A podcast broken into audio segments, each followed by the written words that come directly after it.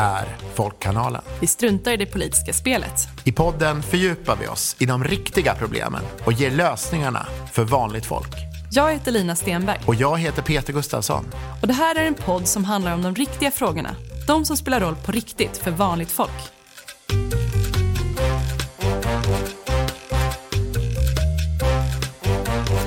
Hej och välkomna till ett nytt avsnitt av Folkkanalen. Idag ska vi prata om meritokrati, klass, klassresor och jämlikhet. Ja, precis. Vi har bjudit in Petter Larsson som är författare till den omtalade boken Riggat. Hur tron på meritokrati minskar chansen till en klassresa. Välkommen Petter. Tack så mycket. Vad kul att du kunde vara med oss idag. Eh, verkligen och jättespännande ämne. Men till att börja med, vem är du? Ja du, eh, jag är journalist i grund och botten. Eh, kulturjournalist sedan många år. Skriver för eh, framförallt Aftonbladet och, och HD Sydsvenskan. Eh, bor i Malmö, 55 år gammal. Men som jag skriver om i, i, boken, jag kommer från en liten bruksort utanför Göteborg som heter Jonsered. Där eh, fem generationer på min pappas sida arbetade på exakt samma fabrik va, som jobbare. Eh, och jag tar det där lite som utgångspunkt i boken. För sen kommer jag, jag är kulturjournalist och så vidare. Eh, och det ser ut som en fantastisk klassresa, vilket är en sanning med modifikation. Men just den där idén om klassresan eh, är en så stark så säga, kulturell föreställning som vi har i, i vårt samhälle. Därför jag använder mig själv som exempel här för att diskutera ja, hur sant är detta och vad är problemen med de här ska säga, ideologin kring klassresan. Och din bok heter ju Riggat, det är ett väldigt bra namn. Jag har, använder det många gånger. Det går liksom att använda på väldigt många sätt. Men vad är det som är riggat och vem är det som riggar? Man ska aldrig ställa två frågor på samma gång, så jag svarar på den andra. Eh, vem är det som riggar, börjar vi med. Eh, det är, alltså, den dominerande tesen är naturligtvis att det är kulturmarxistiska rymdödlor Eh, själv lutar jag åt att det går inte riktigt att säga eh, vem som riggar. I den här typen av breda kulturella föreställningar så finns det massor av aktörer. Eh, vi ser det inom medierna, vi ser det från politiken, eh, vi ser det inom litteraturen, hur man iscensätter. Eh, och det finns ju inget på det sättet avsiktligt i detta. Men det är helt enkelt att man iscensätter en berättelse om klassresan. Där klassresan eh, å ena sidan uttrycker att vi skulle ha någon form av lika möjligheter, eller någorlunda i alla fall. Å andra sidan blir ett slags lösning på ojämlikheten. Du kan klassresa, klassresor är lösningen på ojämlikheten och det är det här jag vänder mig emot. Den första frågan. Eh, vad är det som är riggat? Jag skulle säga att det är både samhället som sådant i den meningen eh, att vi bär alla på ett väldigt tungt socialt arv. Eh, vi är ganska lika våra föräldrar. Eh, och Samtidigt som eh, så att hela, hela utbildningssystemet, hela arbetsmarknaden, vem som hamnar på vilken position är från början så att säga ett spel med, med viktade eh, tärningar. Men jag pratar också om det som ideologi. Och här är det egentligen det allra, allra viktigaste. Eh, nämna att föreställningen om att vi skulle leva i ett vad man tycker då rättvist meritokratiskt samhälle eh, är väldigt stark i Sverige och i andra västländer. Och den har ökat under tiden. Och den ökar under precis samma tid som den faktiska ojämlikheten ökar. Så det går hand i hand. Människor uppfattar samhället som meritokratiskt, att vi har lika möjligheter eh, och därför är man också beredd att acceptera ökade faktiska klyftor. Eh, här skapas en slags eh, ojämlikhetsmaskin, en självgående maskin, en ideologisk maskin som skapar ojämlikhet. Om vi ska backa bandet lite då. Eh, meritokrati har vi nu använt eh, flera gånger. Ett svårt ord att uttala. Vad betyder det? Det är knöligt och jag kan ibland ångra att jag satte det i titeln. Eh, anledningen till att jag ville ha det i titeln eh, är att det pågår sedan några år eh, en debatt framförallt i USA där det skrivs en hel del om det här. USA befinner sig i ett lite annat läge än Sverige men jag ville ta de här eh, filosofiska idéerna, idéerna om samhället och överföra på Sverige och se var vi, vi landar här. Det finns i grund och botten ska jag säga, två olika, och det är därför man pratar pratar förbi varandra. Två olika definitioner av meritokrati. Den ena är väldigt snäv. Eh, vid tillsättning av en tjänst eller vid ett urval till en utbildning eller så, här, så går man på den som har mest, bäst meriter. Man ska meritera sig till positioner istället för att gå på kön, eller hudfärg eller kontakter. eller, eller så där. I den meningen så är det ju eh, en progressiv eh, idé naturligtvis. Och Det är också därför som meritokratin vinner anslutning. Det blir, blir antidiskriminering eh, helt enkelt. Men det är inte i den meningen jag är intresserad och jag har inga invändningar mot det egentligen. Utan jag är intresserad av meritokrati som en idé om samhället. Eh, att vi skulle leva i ett samhälle, eller för den delen sträva efter ett samhälle där de mest meriterade, de bäst lämpade får de främsta maktpositionerna, statuspositionerna, mest pengar, högst lön och så vidare. Eh, och så det är idén om, om samhället, den breda definitionen, som jag egentligen kritiserar i, i den här boken. Du har ett par exempel i boken på när det inte är slumpen som styr vem som får vilket yrke till exempel. Det är aldrig slumpen som styr nästan. Nej, men eh, det, så är det nog kanske. Men, men att det, det visar sig att vissa grupper får vissa yrken i väldigt större, mycket större utsträckning än vad det annars är. Kan du ja, dra några sådana man, exempel? Ja, vi, vi ärver ju från våra föräldrar eh, en massa olika saker. Möjligheten att nå framgång i, i utbildning, möjligheten eh, att tjäna mycket pengar, möjligheten att få vissa yrken. Eh, det här yrkeskopplingen var ju troligtvis mycket tydligare i det gamla ståndssamhället och säg under, under 1700-talet och 1800-talet. och så. Eh, nu har vi en formell utbildning där man tillägnar sig kunskaper. Och I princip kan man ju då säga att vi skulle kunna eh, bryta arvet med, med föräldrarna och tillägna oss kunskaper som ger oss vilka yrken som helst. Men det visar ju sig att ungefär 10% av den svenska befolkningen eh, har exakt samma yrke eh, som sina föräldrar. Och Det är ju väldiga överrepresentationer i vissa yrken. Särskilt gäller det eh, eh ganska små yrken som kräver tror jag, en speciell livsstil. Det är jägare, fiskare, djurskötare. Eh, och där handlar det förmodligen både om att eh, man har fått direkta kunskaper från föräldrarna eh, under uppväxten, så som det också var förr. Men också om en vana vid en viss livsstil. Men vi har, de flesta av oss, en slags närhet till det ena eller till det andra. Det behöver inte vara exakt samma yrke. Men om jag tar mig själv som exempel. Jag har en, en pappa som var grundläggningsarbetare, en mamma som var högstadielärare idén om att någonsin arbeta med någonting som har med näringsliv eller företagande att göra, alltså det är för mig en, en främmande värld. Eh, jag tror, eh, kan inte se hur jag skulle ha kunnat hamna i den. Och på motsvarande sätt är det naturligtvis då för de som växer upp i en företagarvärld. Eh, det finns saker som är de främmande. Så att den här uppväxten, så att säga, Eh, skapar det forskarna kallar ett slags möjlighetshorisonter, en identitet hos oss. Vilka är vi i det här samhället? Vad ligger nära till hands för oss? Vad är möjligt för oss? Jag, jag tänker att det finns flera saker här som liksom jag snurrar igång på. En sak som jag tänker på att det är etablissemanget på något sätt vill prata om klass i den här bemärkelsen. Klassresor, klass vill man oftast inte prata om annars. Utan det här, i det här liksom, när det kommer till den här frågan, då är det någonting som man vill prata om. Klass vill man liksom inte erkänna att det finns. Man, det, liksom, det är någonting kring att det, det, det är ute och prata klass, men bara när det kommer till klassresor är det på något sätt ett ord som man gärna använder. Mm. Och det är lite intressant. Eh, jag tror att det bygger på två saker egentligen.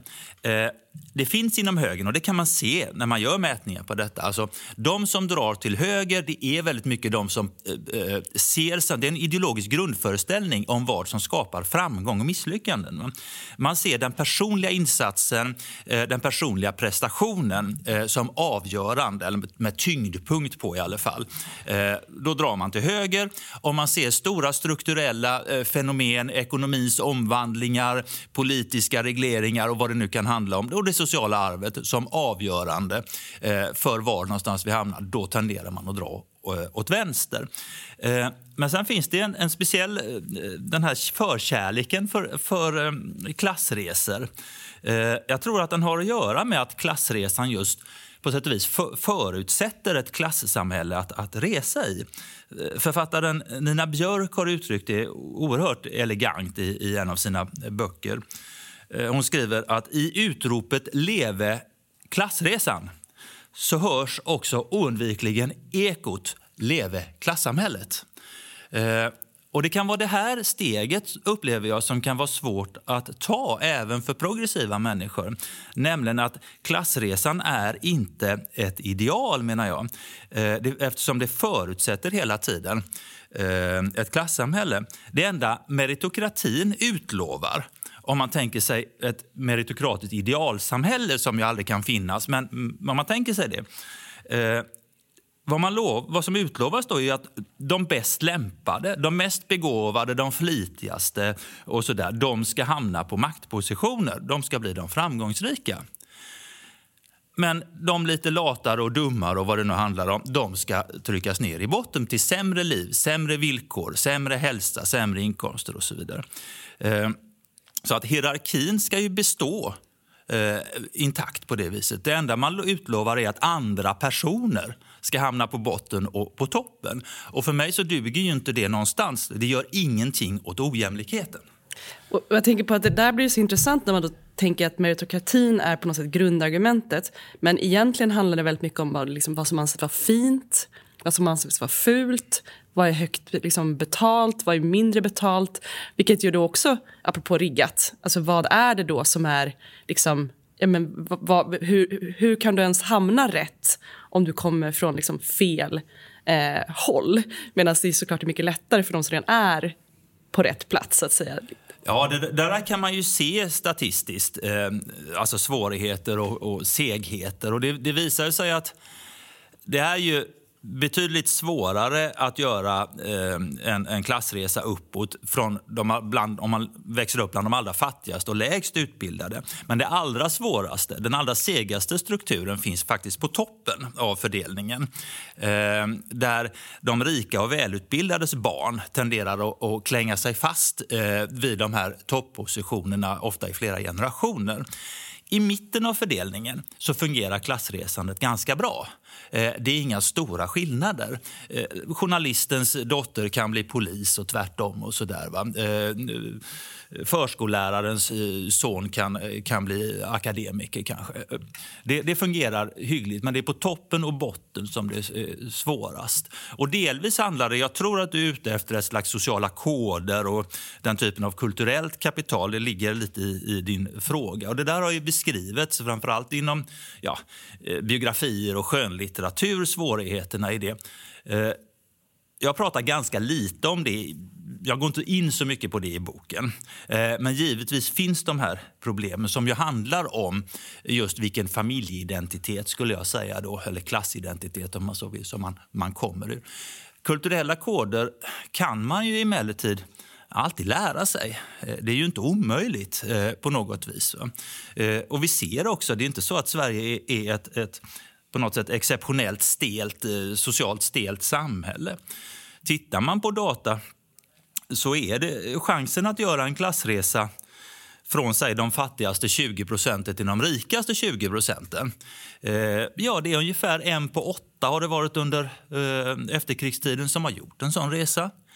Om man däremot pratar om att ta sig upp i den allra yppersta ekonomiska eliten, då är det stängt. Det finns en liten studie på den, de, den rikaste promillen.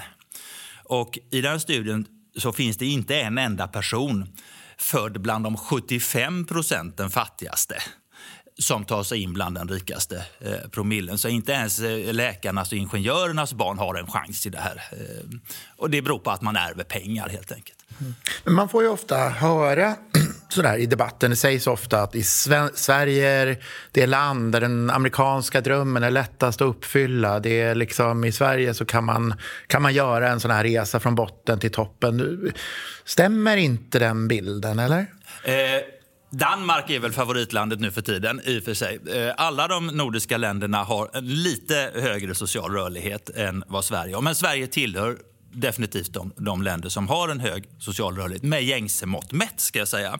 För det finns andra typer av beräkningar som visar att det kanske inte är så stora skillnader mellan några länder. Eh, så är det. Men då ska vi komma ihåg att eh, om jag nu använder de enklaste måtten, föräldrar jämfört med barn vad gäller ekonomi, alltså inkomst.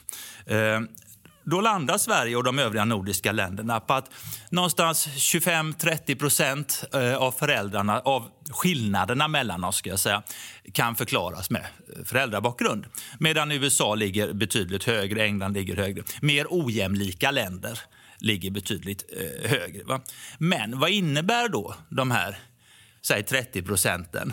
Ja, det innebär tre, fyra generationer innan ett övertag är utplånat.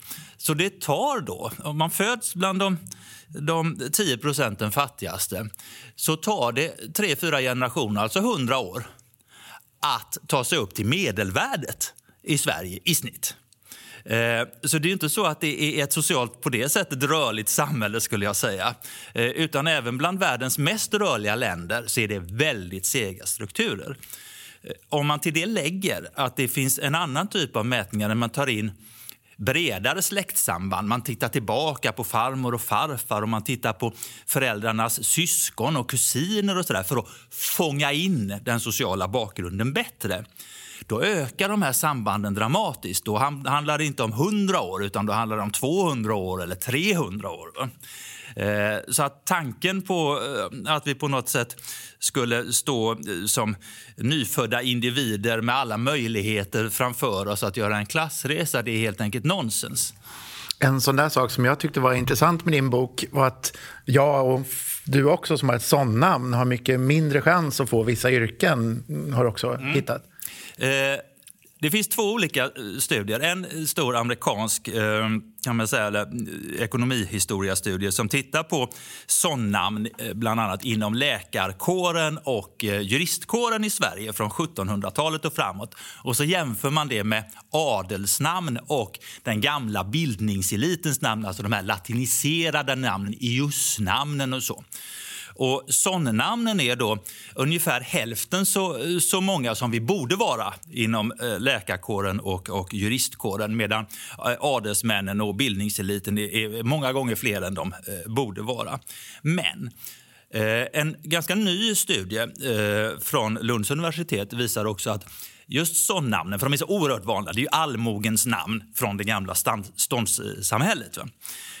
Och vi är så många, vi med sådana att idag kan man då eh, inte förutsäga riktigt. En sånnamn, eh, någon med sånnamn kan ha nästan vilken position som helst i och för sig i det svenska samhället. För vi är så många. Eh, däremot så är träffsäkerheten betydligt större om man har ett adligt namn eller ett gammalt fint ius-namn. Eh, att man också har ett högstatusarbete i Sverige Då. Ja, det är jättespännande. Jag tänkte vi skulle gå in lite grann på de här, vilka politiska konsekvenser den här övertron på klassresandet och den sociala rörligheten, vad det, vad det får. Um, vad skulle vi göra annorlunda om vi trodde mindre på meritokratin än vad vi gör? Uh, jag tror att man och det är väl min förhoppning då, det är ju hela poängen med boken, att sluta nu tro på de här idéerna. Eh, inte för att jag är emot social rörlighet utan för att jag är för social rörlighet skulle man kunna säga. Eh, men om vi inte fixerade oss så hårt vid klassresan så skulle vi kanske kunna börja se den faktiska ojämlikheten. Det är detta som är den stora, eh, stora riggningen. Va? Alltså att ju mer ojämlikt ett land är, desto sämre chanser till klassresa har man. Det har man visat i flera studier. Va? Men desto mer ojämlikt ett land är, desto mer rättvist, desto mer tror folk också på meritokratin. Det är den här stora paradoxen. Så vi skapar med de här, de här dubbla funktionerna liksom, eh, så skapar vi som jag sa en, en slags ojämlikhetsmaskin. Jag tror att vi skulle eh, få fokusera väldigt mycket mer på att skapa jämlikhet och inte inbilla oss eh, att vi kan klassresa oss ur klassamhället. Det är inte möjligt. Jag, jag, tänkte på en väldigt intressant parallell som jag kom att tänka på. eftersom jag, jag håller på mycket och, och eh, skriver om jämställdhet. Jag har skrivit en bok bland annat om, om som, ja, feminism på riktigt, vilket då är jämlik jämställdhet. Och om man tittar på just hur liksom, den, de politiska lösningarna ofta just för jämställdhet är ju exakt samma sak. Och också då, eh, men vilken typ av politik man då från liksom, högerfeminister anser vara liksom, målet för jämställdhet. Vilket också blir så intressant, för där blir det ju hela tiden ja, men, klassresorna och det här att du ska sträva efter att liksom, ha så pass mycket mycket frihet och ekonomi så du kan köpa dig jämställdhet. Väldigt mycket handlar om det. Eh, och du ska liksom, ja, men man, ska, man ska utbilda sig, eller gifta sig rik, hur man nu vill göra. Men man ska, pengarna är lösningen. Liksom. Och att det är så himla, det blir så tydligt. Kanske på ett sätt tydligare just när det kommer till jämställdhet. Att de lösningarna inte kan ge ett jämställt samhälle. Och, och någonstans när det kommer till jämställdhet är det ändå så här, det måste väl ändå vara målet. Alltså det kan man fast, ja. fast det är ändå inte helt okontroversiellt. Men jag vill bara höra, höra din, eh, dina eh, tankar kring det. Nej, men, eh, absolut. Eh, jag skriver lite grann om just jämställdhetsfrågan. Nu är ju jämlikhet, den sociala jämlikheten är, är ju det centrala i min bok. Eh, men, och det finns en skillnad här. Eh, på så vis att om man tittar under hela efterkrigstiden så har den sociala jämlikheten, alltså klassutjämningen, den har stått still. Eh, vad gäller ekonomi, vad gäller förmögenhet eller inkomst, förmögenhet, vad gäller utbildning. Medan jämställdheten mellan könen har ju ökat dramatiskt. Eh, så det har varit en väldigt framgångsrik eh, kan man säga, strategi. Eh, då. Men det löser inte hela problemet eh, och kan inte göra det tror jag. Nej, men precis som klass och kön ju hänger ihop så ja. tydligt. Och, och ser man inte ens att, alltså, att, att vara arbetare, att det är, det är bara att ja, men ryck upp det och bli någonting annat. Om det är lösningen så löser man ju inte Nej. grundproblemet. Men vad kan man göra för att öka den sociala rörligheten? Då? Vad, vad har du för ja. politiska åtgärdsförslag? Om, om det är målet vilket inte, verkligen inte är det enda målet menar jag. Eh, men om det är målet så finns det dels så finns det specifika skolreformer och så där man kan göra. Man kan slopa marknadsskolan, eh, man kan eh, senare lägga alla betyg och prov och sånt där. Avprovifiera skolan. Man kan ehm, ta Eh, man kan införa eh, obligatorisk förskola, är ett ganska populärt förslag. Eh, skulle troligtvis göra skillnad kanske från tre års ålder eller så. Alla insatser man gör som är lite mer specifika, de måste handla om att, att eh, separera barn från föräldrar. Låt oss vara ärliga, det är så det är idealsam... Vill du ha maximal, maximal social rörlighet då skulle staten ta alla barn vid några månaders ålder och så skulle man uppfostra dem separat och, och föräldrarna skulle få vinka åt dem var fjortonde dag. Eh, ingen vill ha ett sånt samhälle, men det är sånt som skulle krävas. Eh, så det finns en del saker att göra. Eh, viktigast är ju förmodligen att på ett generellt sätt öka den ekonomiska, eh, utbildningsmässiga och så, jämlikheten. Och Eh, ja, helt enkelt därför att föräldrarnas utfall, föräldra, ojämlikheten i föräldragenerationen kommer ju alltid att bli samma ojämlikhet i barnens startgeneration. Det finns liksom ingen motsättning i den här gamla eh, diskus, eh, diskussionen om ja, man är för utfallsjämlikhet eller man är för lika startmöjligheter. Det är samma sak, det är två eh, sidor av exakt samma mynt. Så ökad, ökad eh, ekonomisk jämlikhet skulle öka även den sociala sociala rörligheten. Eh, men, om jag får tillägga, att viktigare än detta, alltså den sociala rörligheten kan vi pressa ner lite grann. Eller pressa upp ska jag säga. Vi kan kanske bli som Danmark eh, då. Eh, men det finns ingen realism i att vi skulle ha ett socialt eh, helt eh, rörligt samhälle. Att vi skulle på något sätt en gång för alla kunna knäcka det, det sociala arvet. Det går inte. Eh, det vi kan komma åt naturligtvis är det jag kallar belöningarna och bestraffningarna. Vi måste inte eh, belöna med hög status, med höga inkomster och i förlängningen god hälsa, långa liv och så vidare. De som eh, har meriterat sig, de som är eh, duktiga, som har tagit sig fram. Då, liksom. Därför att det vi då belönar eh, är ytterst, eh, till ganska stor del, eh, deras förutsättningar, deras sociala arv. Eh, inte någonting som individerna själva har, har eh, presterat på det viset. Va? Det kan vi komma åt.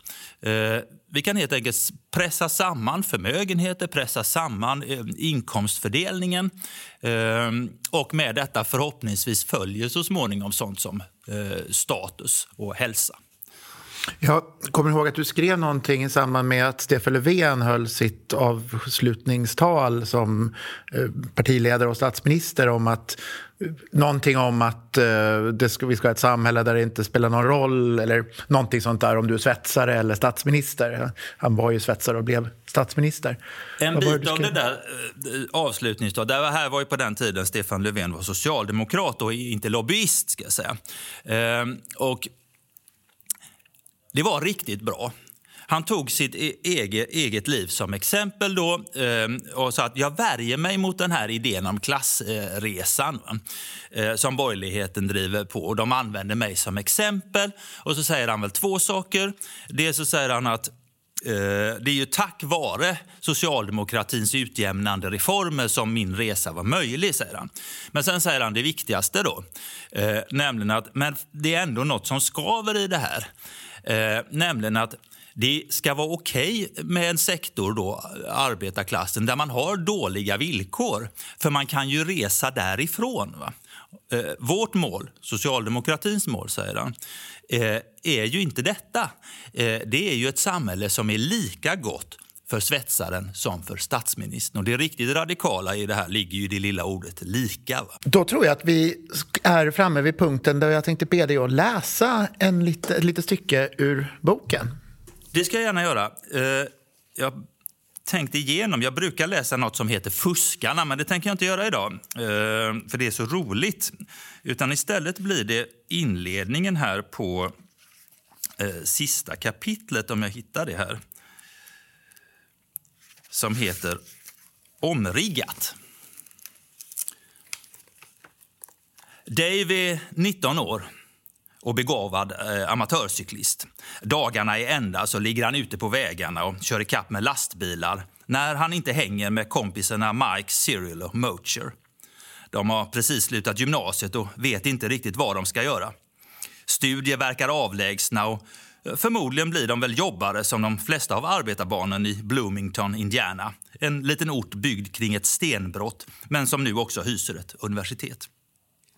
Då och då råkar de i luven på universitetsstudenterna som nedlåtande kallar dem för cutters, alltså stenhuggare. Eh, och efter en konflikt så blir de inbjudna att delta i ett cykellopp mot några universitetslag. Dave är den enda som egentligen kan cykla och han utklassar studenterna i varv på varv innan han blir skadad. Och då rycker kompisarna in och kör sina stafettrunder så gott de kan men blir förstås upphunna trots försprånget. Dave tejpar i slutändan fast fötterna vid pedalerna och fortsätter tävla för att sen gloriöst hämta hem segern till den lokala arbetarklassen. Och själv börjar han plugga terminen därpå vid förstår att den här sportsliga segern var den psykologiska biljetten till en klassresa. När storyn gestaltas i Peter Yates film Loppet är kört från 1979 omedelbart en prisvinnande kanonsuccé och det är lätt att förstå varför. Revanschismen bultar i kroppen och glädjen bubblar i bröstet när Dave rullar över mållinjen. Det är det här man drömmer om. Hur träning och talang, men också solidaritet ska triumfera över klassbakgrunden på ett sätt som sällan sker i den verkliga världen. Eh, det är en nästan pinsamt konkret skildring av den liberala drömmen om livet som ett tävlingslopp där bäste man verkligen vinner. Och meritokratismen vinner uppslutning just eftersom den presenteras som en progressiv idé om icke-diskriminering.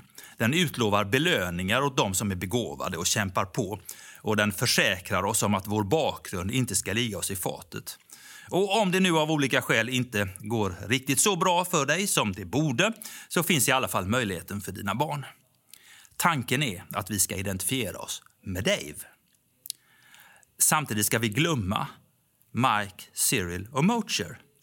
För Daves seger bländar oss för att deras lopp är kört. Och det är den bländningen den här boken försöker bota.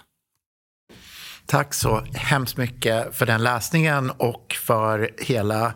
Eh, vill verkligen rekommendera lyssnarna till att eh, läsa boken och eh, ta del av... Eh, du är också ute och ganska mycket och föreläser kring, kring det. Det är jag. Jag åker land och rike runt till alla som bjuder in.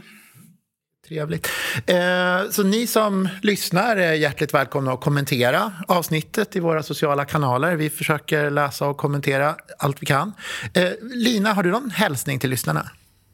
Ja, du kan hjälpa oss genom att ge vår podd ett betyg och en recension. Det betyder jättemycket för oss att ni lyssnar och vi vill jättegärna att fler ska få upp ögonen för podden och därför behöver vi fler recensioner. Eh, så vill du att fler ska få möjlighet att lyssna på oss så sätt gärna ett betyg och en recension eh, och eh, ja, berätta varför du tycker att vi borde lyssna på oss. Eh, jättekul att, eh, och jätteintressant ämne verkligen Petter. Så himla spännande att eh, prata med dig om det här. Ja, tack för att jag fick komma och prata. Mm. Ha det bra, så hörs vi snart igen i podden. Tack. Hej då. Du har lyssnat på Folkkanalen, en podd för vanligt folk. Folkkanalen görs av Lina Stenberg och Peter Gustafsson. Och vi finns där poddar finns.